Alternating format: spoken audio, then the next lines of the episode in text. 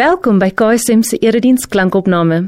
Nadat jy hierdie boodskap geluister het, sal ons dit regtig waardeer as jy die boodskap rate of in Afrikaans gestel beoordeel en deel met ander. Jou terugvoer help ander om saam met ons die Jesuslewe te ontdek, omdat Jesus alles verander. Hier is vandag se boodskap. Ons Vader. Ja, hierdie is regtig ons gebed. Here help ons om te weet dat dat U naby ons is. Here U is nie 'n ver God nie. Here U is by my, langs my, om my. Here in binne my. Here, dit is ons gebed, Here, mag ons nader aan U kom. Here, mag ons meer van U beleef, mag ons meer soos U word. Here, mag ons ander mense help om om U te ontdek. Here mag U ons as as instrumente gebruik. Here mag ons U al hoe meer gelykvormig maak aan wie U is. Here en mag ons by U leer. Here mag ons in die woord leer oor wie U is. Here maak ons harte oop vanoggend en en berei ons voor Here vir vir dit wat U vir ons as individue wil sê maar ook vir ons as kerk wil sê, Here. Here, dankie dat ons hierdie tyd, Here, kan afsonder vir U. Here, gebruik ons. Ons bid dit in Jesus naam. Amen. Vriende, ons is um besig met 'n reeks winde van verandering. Um en dit het eintlik wel ons ons sluit eintlik vandag af met die reeks winde van verandering en dit het saam gegaan met die hele seisoen van winde waai. Jy weet, Augustus winde. Nou um ek kom van die Kaap af, so ek weet nie waarvan julle praat nie. Maar hier het die winde gewaai nie. Okay, ek kom eendag daarso by die werk en iemand sê vir my, "Jesus, maar die wind het ons weggewaai." Ek sê, "Dis regtig? Ek het nie die wind gesien waai nie. Julle moet Kaap toe kom. Julle moet sien hoe die wind daar waai." Maar die punt is, winde die Augustus is gewoonlik die tyd waar die winde, maar maak nie saak hoe sterk die wind waai nie, want dit is 'n tyd wanneer 'n seisoen verander. En dit is waar hierdie reeks gegaan het.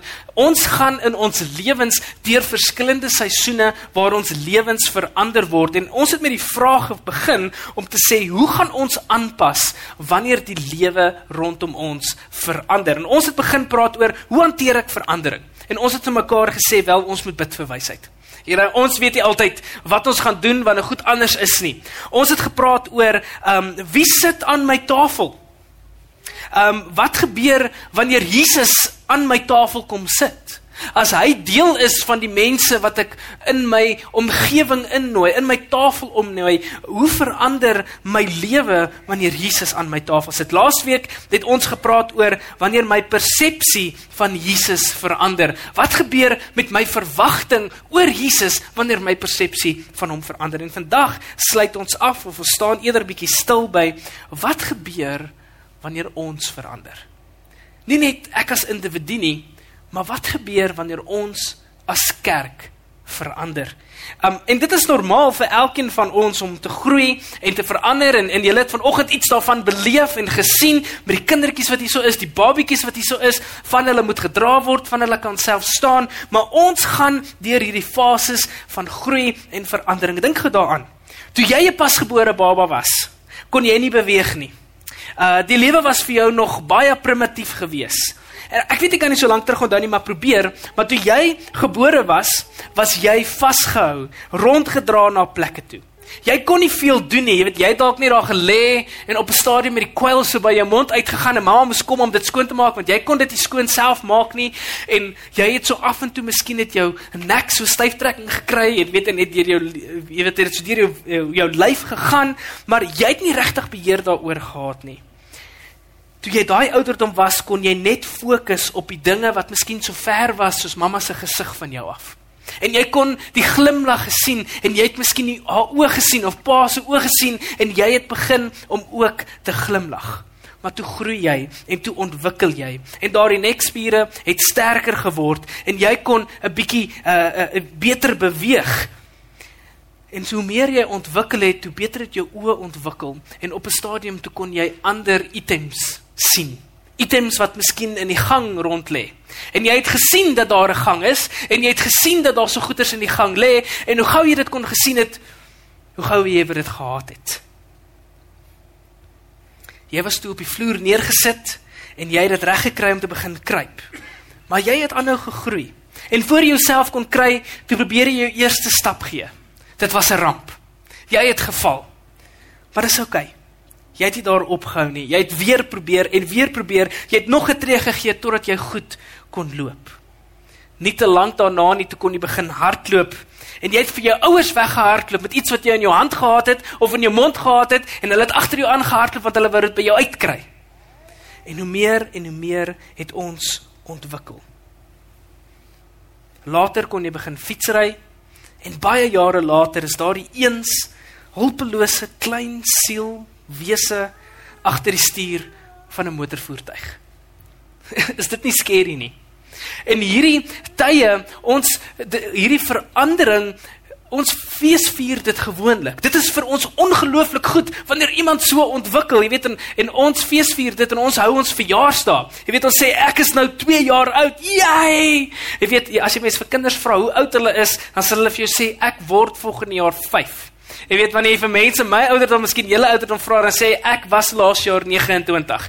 Jy nou ons werk dit half so uit want maar dis tye wat ons feesvier is, is deel van ons ontwikkeling. En weet julle wat ons word slegs bekommer wanneer hierdie ontwikkeling nie gebeur nie. Jy weet jou eerste woorde was miskien gewees um Bleh, of wat ook al dit was. Jy weet in die oomblik toe jy dit sê, toe jou mamma van, "O, oh, dit is so oulik." Jy weet my kind kan begin praat. Jy weet jy lag hier voor, maar dit was miskien nie geval. Jy weet of dan sê mamma miskien, "Oké, okay, volg agter my, mamma." Jy weet of pappa soos, "Nee, ek hoop hy sê pappa eers." So in sekere dan sal pappa sê, "Pappa, pappa, pappa." Jy weet net sodat hy die woord heeltyd kan hoor. Maar as jy daai woord eers gesê het op die ouderdom van 25, En net dan sou jou ouers miskien nie so gelukkig gewees het nie. Hulle sou bekommerd gewees het want dit is nie die normale gang van verandering, van groei en van ontwikkeling nie, nê. Nee, dit is uh dit ons verwag dat dit vroeër moet gebeur. En hierdie wat ek nou net vir ons vertel het, beskryf ons fisiese liggaam se fases van verandering. Maar weet julle wat dat die wêreld buite ons in rondom ons is ook besig om te verander. En dit het verander vir die afgelope paar duisend jaar en dit verander nog steeds en kerk verander ook. En ek wil graag dit met julle deel. Ehm um, en ek weet nie of jy opgelet het nie, maar ehm um, ons kerk het ook al baie verander. My ouers of ouer mense sal altyd sê, "Ja, onthou jy nog toe ek jonger was, was kerk so gewees." Jy weet toe ons um, by die Bybelskool was, moes ons die Heidelbergse Katekismus opsê en ons was geleer en jy was geslaan en jy moes dit opsê en ons het eksamen geskryf. Jy weet, julle doen dit nou weer te hierdie stadium. Jy weet dit is hoe die kerk ontwikkel het en en ons kyk altyd daarna terug en soms kyk ons, "Mmm, dit was beter geweest." Maar daar is 'n 'n tyd in die in die Bybel waar die kerk ook deur 'n fase van verandering gegaan het. En so dis niks nuut nie en ek wil graag dit vir julle lees. So as jy jou Bybel hierso het vriende, maak asseblief oop in Handelinge 15. Nou Handelinge 15 eintlik daar gebeur ongelooflike goed in die boek Handelinge. Die die geskiedenis van die vroeë kerk, hoe dit ontwikkel het is amazing. Ek kan nie 'n ander woord daarvoor gebruik nie. Um en in Handelinge 15 gebeur daar iets ongelooflik. Die kerk is besig om te groei Die kerk is besig om te skuif en te verander. Die kerk is besig om te ontwikkel in ander gedeeltes van die bekende wêreld op daardie stadium en op 'n punt kom die kerk op 'n kruispunt. Die kerk is besig om te verander en mense begin nou om met mekaar te verskil. Julle ek wil net sê omdat ons 'n doop gehad het, gaan ons net so 5 minute of 10 minute later wees. So maak vas julle veiligheidsgordel. Kom ek lees vir julle saam. Ek gaan nie die hele Handelinge 15 lees nie, maar um, ek wil ek wil dit net hierdie vertaling uit lees. Ek wil dit die 83 vertaling uit lees en dit gaan as volg vers 1 tot 11 en dan sal ek bietjie later iets vertel van die ander verse. So daar het mense van Judea afgekom Hierdie is uit uh, Israel uitgekom en gelowiges wys gemaak. Jy weet, kom ons leer by hierdie mense en hulle sê toe vir hierdie mense, hierdie hierdie ander mense in hierdie ander plekke. As julle nie die gebruik van Moses nakom deur julle te laat besny nie, kan julle nie gered word nie. Hierdie ouens, hierdie fariseërs, hierdie dominees kom by hierdie mense in Antiochië aan ensovoorts hierso in waar Turkye en vandag is.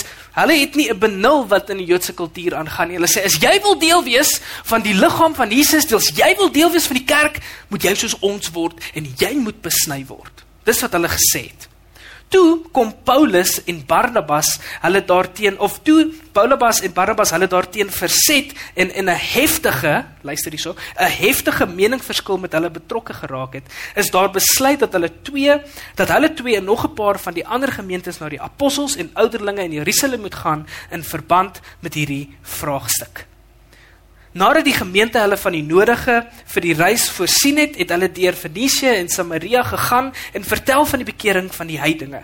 Hieroor was al die gelowiges baie bly. Toe hulle in Jerusalem aankom, is hulle deur die gemeente, die apostels en die ouderlinge verwelkom. Hulle het vertel wat God alles deur hulle gedoen het. Maar party van die gelowiges was wat vroeë fariseërs was, het na vore gekom en gesê, die bekeerlinge moet besny word en aangesê word om die wet van Moses te onderhou. Die apostels en die ouderlinge het toe bymekaar gekom en om hierdie vraagstuk te bespreek. Na 'n lang bespreking het Petrus opgestaan en vir hulle gesê: "Broers, julle weet dat God my lankal uit julle geleedere gekies het om die evangelie aan die heidene nasies te verkondig sodat hulle kan glo." En God wat die harte ken, het dit bevestig deur die Heilige Gees aan hulle te gee net soos aan ons. Hy het geen onderskeid gemaak tussen ons en hulle nie. Hy het ook hulle harte deur die geloof gereinig. Waarom wil julle dan nou God se geduld op die proef stel deur op die nek van die gelowiges uit die heidene nasies 'n juk te lê wat ons voorvaders nie in staat was om te dra nie en ons ook nie. Nee, ons en ook hierdie gelowiges glo dat ons net deur die genade van die Here Jesus Christus gered word. Ek het so 'n bietjie vertel van wat is die konteks agter hierdie hele verskil. Die die Christen geloof, die feit dat ons vir Jesus volg, het natuurlik begin in Jerusalem en uh, dit was Jode gewees wat hierdie Jesus begin volg het en van die seers hoe meer hulle vir Jesus begin volg het, het hulle bekommerd geraak. Want in hulle gedagtes wou hulle hierdie geloof, hierdie Joodse geloof, wou hulle suiwer hou. So op daardie stadium toe hierdie mense iewes skielik vir Jesus begin volg, het die dominees gesê van die dag, luister, ons kan nie veroorsaak, ons kan nie toelaat dat mense uit ons liggaam uit hierdie sekte begin nie. Ons moet hierdie ding so gou as moontlik uitstap. Imagine Niels staan op hierso en Niels sê, "Julle, um, ons moet nou iets anders begin glo." Ek is nou julle Messias. Jy weet, imagine wat gaan die res van die dominees in hierdie gemeente doen. Ons gaan sê nee nee nee ouens, dit is dit is nie reg nie. Hulle wil beskerm dit wat hulle gehad het. In hierdie manier van beskerming, dit wat hulle gehad het, al het hulle nie gesien dat Jesus eintlik die vervulling van hulle eie wet is nie. Wat toe gebeur het is hulle sê ons moet hierdie mense uitstamp en ons begin hierdie mense vervolg. Toe hierdie mense begin vervolg word, word hulle die hele wêreld ingestuur. Want obviously, as iemand jou hier wil doodmaak, gaan jy hardloop na 'n ander plek toe. Maar die amazing ding van van Jesus in in die Heilige Gees wat in hierdie mense was en ook in ons is, is hulle het soos wat hulle gegaan het, het hulle die evangelie verkondig. Maar soos almal van ons het die Jode nie net die evangelie saam met hulle gevat nie, maar hulle het ook as te ware hulle tradisies en hulle kultuur saam met hulle gevat soos wat hulle in hierdie heidene nasies ingegaan het. Maar toe hulle in hierdie nasies ingaan, hierdie mense wat ander goeders aanbid, ander gode aanbid, het hulle agtergekom dat hierdie ander mense het ook hulle eie kultuur en hulle eie tradisie en goeders wat hulle doen. En op 'n stadium te word hulle gekonfronteer met hierdie goeders bymekaar en op 'n op 'n op 'n plek toe verskil hulle met mekaar want toe wil hierdie goeders nie in mekaar mee inpas nie. Dit is nie mense wat meer soos ons is, soos ons dink, dieselfde agtergrond as ons is, dieselfde taal as ons praat, dieselfde liedjies sing, dieselfde uh, belangstellings het nie. Hierdie mense het 'n ander wêreld. Hulle leef in 'n ander wêreld. So dit wat gewoonlik vir ons maklik was om te deel, is nou nie meer so maklik nie. En daar het meningsverskille begin inkom en en hoof van hierdie meningsverskille is die besnydenis soos wat ons die doop sal vier nê nee? en deel sê en sê dit is dit is belangrik het hulle gesê jy moet die besnydenis doen En dit is ook waar vir ons. Elkeen van ons het 'n leefwêreld en 'n lens wat ons inhou. En ons aanskou die wêreld en selfs ons geloof deur dit wat in ons loof geloof ag ons ons leefwêreld is en deur die lens wat ons kyk. Nie een van ons wat hier is vanoggend se leefwêreld en se lens lyk dieselfde nie. My leefwêreld en my lens word bepaal deur die goed wat ek deur is, dit wat ek beleef het, my verstaan van die wêreld en my verstaan van Christendom en geloof. En daarom kan twee mense bymekaar sit en hulle kan verskil met mekaar en hulle kan nie mekaar se se menings insien nie. Want ons elkeen het ons eie wêreld en en dit gebeur selfs met ons vandag. En dit bepaal hoe ek ook met mense praat en met hulle deel. Toe ek um, voor ek 'n voltydse predikant geword het, was ek betrokke by sending gewees. En ons wat ons gedoen het is ons het verskillende kerkleiers gevat en mense uit verskillende kerke gevat om hulle bloot te stel aan die groter kerk van Christus reg oor die wêreld, maar veral in vervolgde lande. En uh, ons het vat mense het mense Egipte toe gevat en China toe gevat vir 2 weke of 10 dae, hoe ook al dit lank is. En dan kom die mense terug en dan sê ons het iets anders van van God beleef. En hierdie een spesifieke reis wat ek met julle wil deel, het ons 'n een predikant saamgevat en ou Clint. Um hy is van die Baptiste kerk daar in Durban se area. Baie goeie ou en um hy het toe ons nou deel word van hierdie groep voor die tyd bietjie gesels sit en so voort. Ja, toe begin hy vir ons verduidelik wat sy teologiese oortuiging is aangaande vrouens in die amp. Sy jy weet sy teologiese oortuiging en hy sê toe vir ons, nee, weet julle wat nê, nee, um Ek glo nie 'n vrou kan in die amp staan of 'n kerkleier wees nie. En hy het al hierdie tekste wat hy uit die Bybel uithaal en en jy weet dit is amazing om om te hoor hoe hierdie ou hierdie goed uit die Bybel uithaal en en vertel daaroor en ons dink, "Wow, jy weet dit is dis great om om hierdie goeters te hoor." En maar kom ons gaan, ons is op pad China toe. Ons klim op die vliegtyg en uh, ons gesels lekker met hierdie ou en toe ons in China kom, toe begin ons die kerkleiers ontmoet. Nou, dis die ondergrondse kerkleiers, so jy ontmoet een in 'n hotelkamer en dan druk jy 'n papier binne in die sleutelgat sodat niemand kan sien jy daar is nie of jy is in hierdie plek of in daardie plek en hoe ons al hierdie kerkleiers ontmoet en hier teen die einde van die trip toe kom klink na ons toe sê weet jy wat um al hierdie kerkleiers wat ons ontmoet is ek sien hulle is almal vrouens. En dit is ongelooflik die gesprek wat daar uitgekom het en hy sê um ek weet nie wat om te doen nie. Ek weet nie wat om met my teologie te maak nie.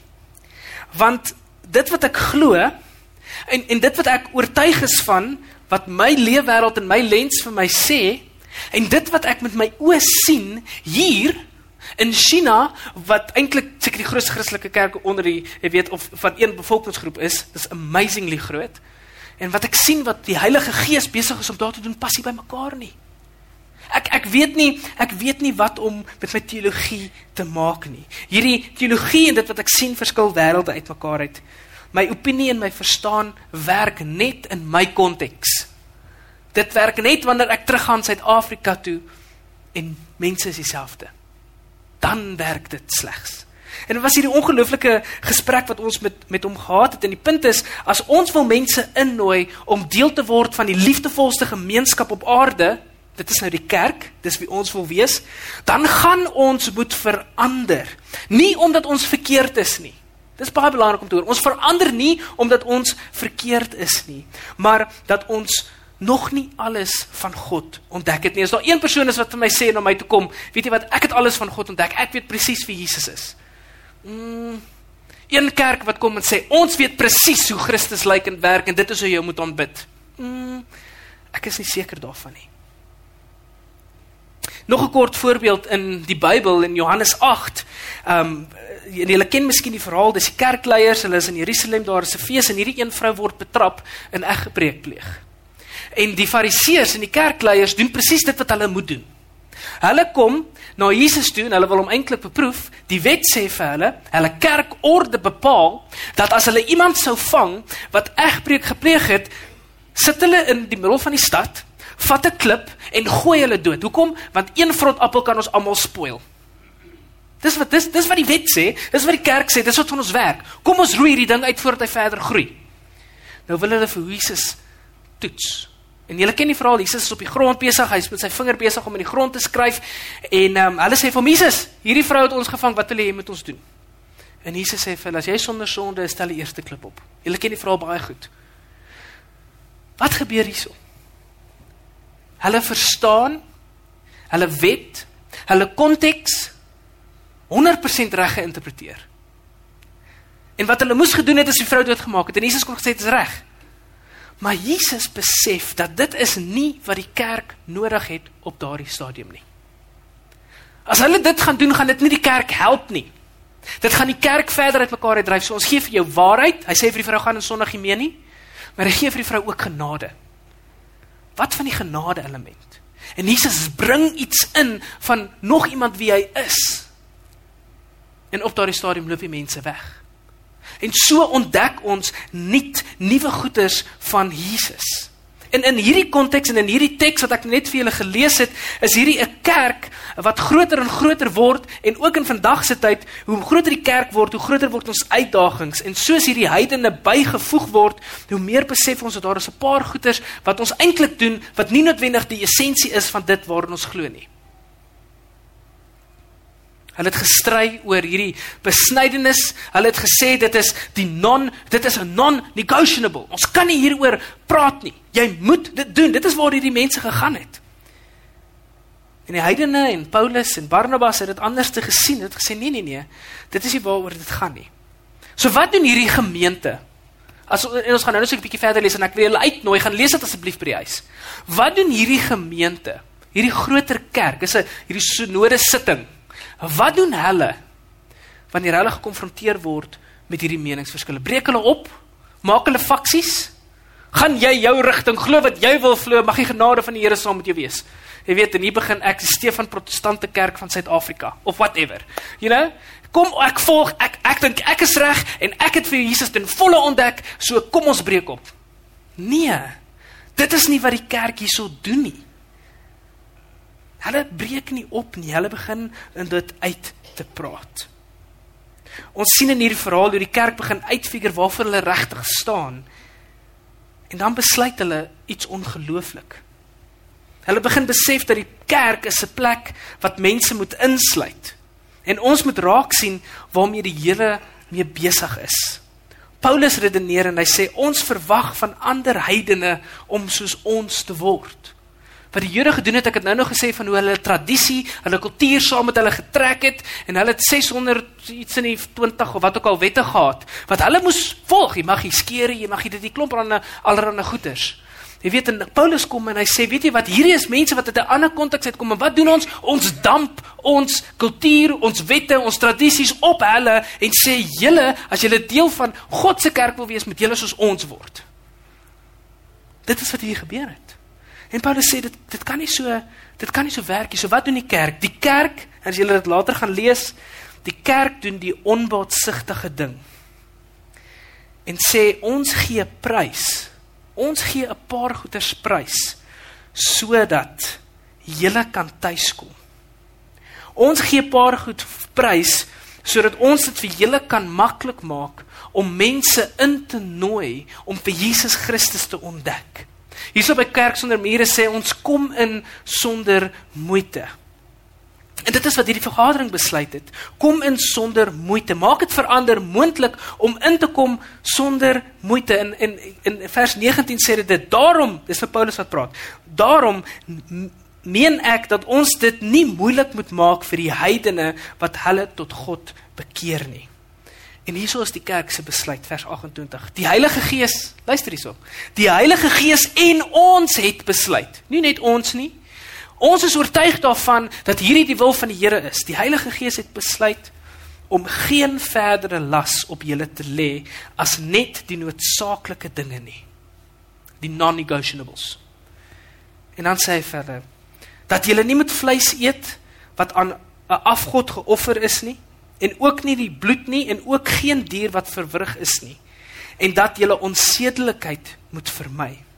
As julle julle van hierdie dinge weerhou, dan doen julle julleself reg. Hy sê vir daar's meer essential stuff. Hou jouself skoon seksueel. Moenie goed eet wat aan afgode geoffer is nie. En moenie bloed en sulke goeders doen nie want dit gaan julle siek maak en doodmaak en allerlei redes daarvoor. Hierdie is die basics. En glo in Jesus Christus want dit is waaroor dit gaan. Ek begin nou klaarmaak. amper klaar. Hoe maak ons dit moontlik vir mense vandag in 'n post-Christen wêreld waar daar soveel verandering rondom ons is? Verandering in taal, verandering in die tipe mens, verandering in ons ons omgewing en ons skole, in 'n wêreld wat anders lyk, godsdienste wat inkom wat ons nie verstaan nie. Hoe maak ons 'n verskil in hierdie tyd? In vanoggend se doop het ons dit so mooi gevra, dit was die laaste vraag. En ons vra gewoonlik vir die gemeente, vir julle en vir die ouer is julle bereid om te doen wat nodig is sodat hierdie kinders en hulle generasie onbevange en in hulle taal en in hulle metafoor en in hulle styl God kan ontdek, aanbid, volg en lief hê. En al die ouers en al die gemeentelede sê altyd ja. Ek het nog geen ouer, geen ouer of gemeentelid het nog ooit vir ons gesê nee nie. Ons wil graag hê dat ons kinders en ons mense God moet kan ontdek in hulle eie taal op hulle eie manier en hulle eie metafoor. Ons wil graag hê dat hulle by Jesus se voete moet sit en Jesus lewe moet ontdek. Dit is wat ons almal wil hê. Is jy bereid om dit te gee vir ander mense? Ons sê altyd ja. Maar hier diep binne ons is daar soms 'n ander kant, wat altyd sê nee. Ons ons het dit beter gedoen toe ons dit op 'n ander manier gedoen het. Julle julle mag nie meer Engelse liedjies sing nie. Werkie vir ons nie. Byvoorbeeld. Is ons bereid om mense te help. Jesus ontdek op hulle manier? Jy sien die wêreld rondom ons verander. En as ons gaan terugtrek en sê ons gaan in ons eie silo funksioneer. Ons gaan wees waar die wêreld ons nie kan beïnvloed nie op ons eie styl, manier. En as hulle wil deel word want hulle soos ons word, dan gaan ons geen impak in die wêreld hê nie.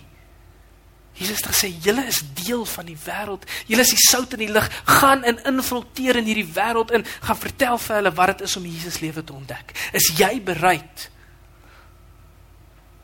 om iets prys te gee sodat die evangelie kan wen sodat die evangelie kan floreer. En ek sluit af. Wat is ons bereid om te gee, maar wat is ons bereid om te leer? Kolossense 3 vers 10 praat van hoe ons lewens al hoe meer verander. Dit sê die volgende, dit sê die nuwe mens kry voortdurend nuwe insig en word so verander en nuut gemaak om al meer so die skepper, soos die skepper te lyk sien wanneer ons verander kan ons die wêreld impakteer.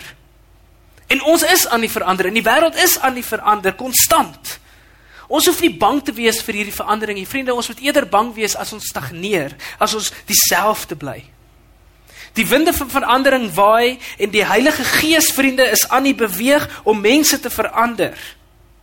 So sal ons as hierdie gemeente ook kan sê ons in die Heilige Gees het besluit en daarom gaan ons dit nou doen wat ons moet doen sodat die evangelie kan wen en by die mense kan uitkom.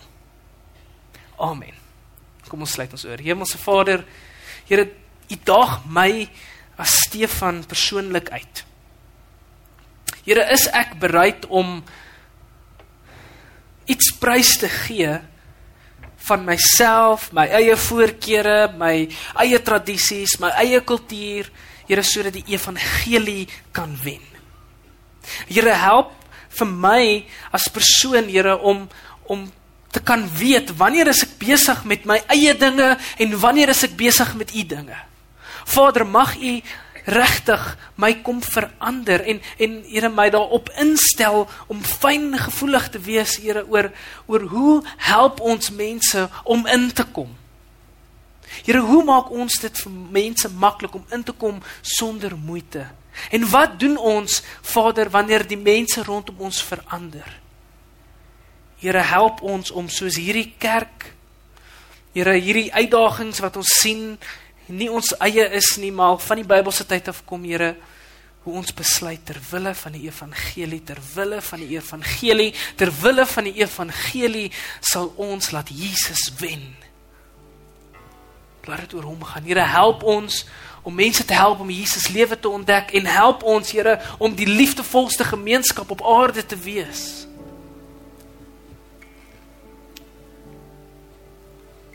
Here my gebed is vir elke individu wat hier so sit, Here. Here dat U ons sal uitdaag wanneer ons gemaklik word in ons ruimtes. Waar ons is.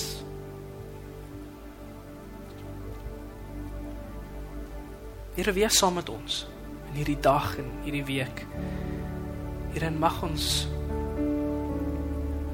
Here mag ons regtig mag ons moeite doen intentioneel wees hier om sout en lig te wees in 'n veranderende wêreld. Hier ons bid in Jesus naam. Amen. Kom ons staan en dan sluit ons af met die volgende lied. Indien hierdie boodskap vir jou betekenisvol was, oorweeg dit om in te teken vir ons nuusbrief, waarin ons weekliks hulpbronne en opkomende gebeure by KSM deel, sodat ons saam die Jesuslewe kan ontdek. Besoek ksm.co.za en word deel.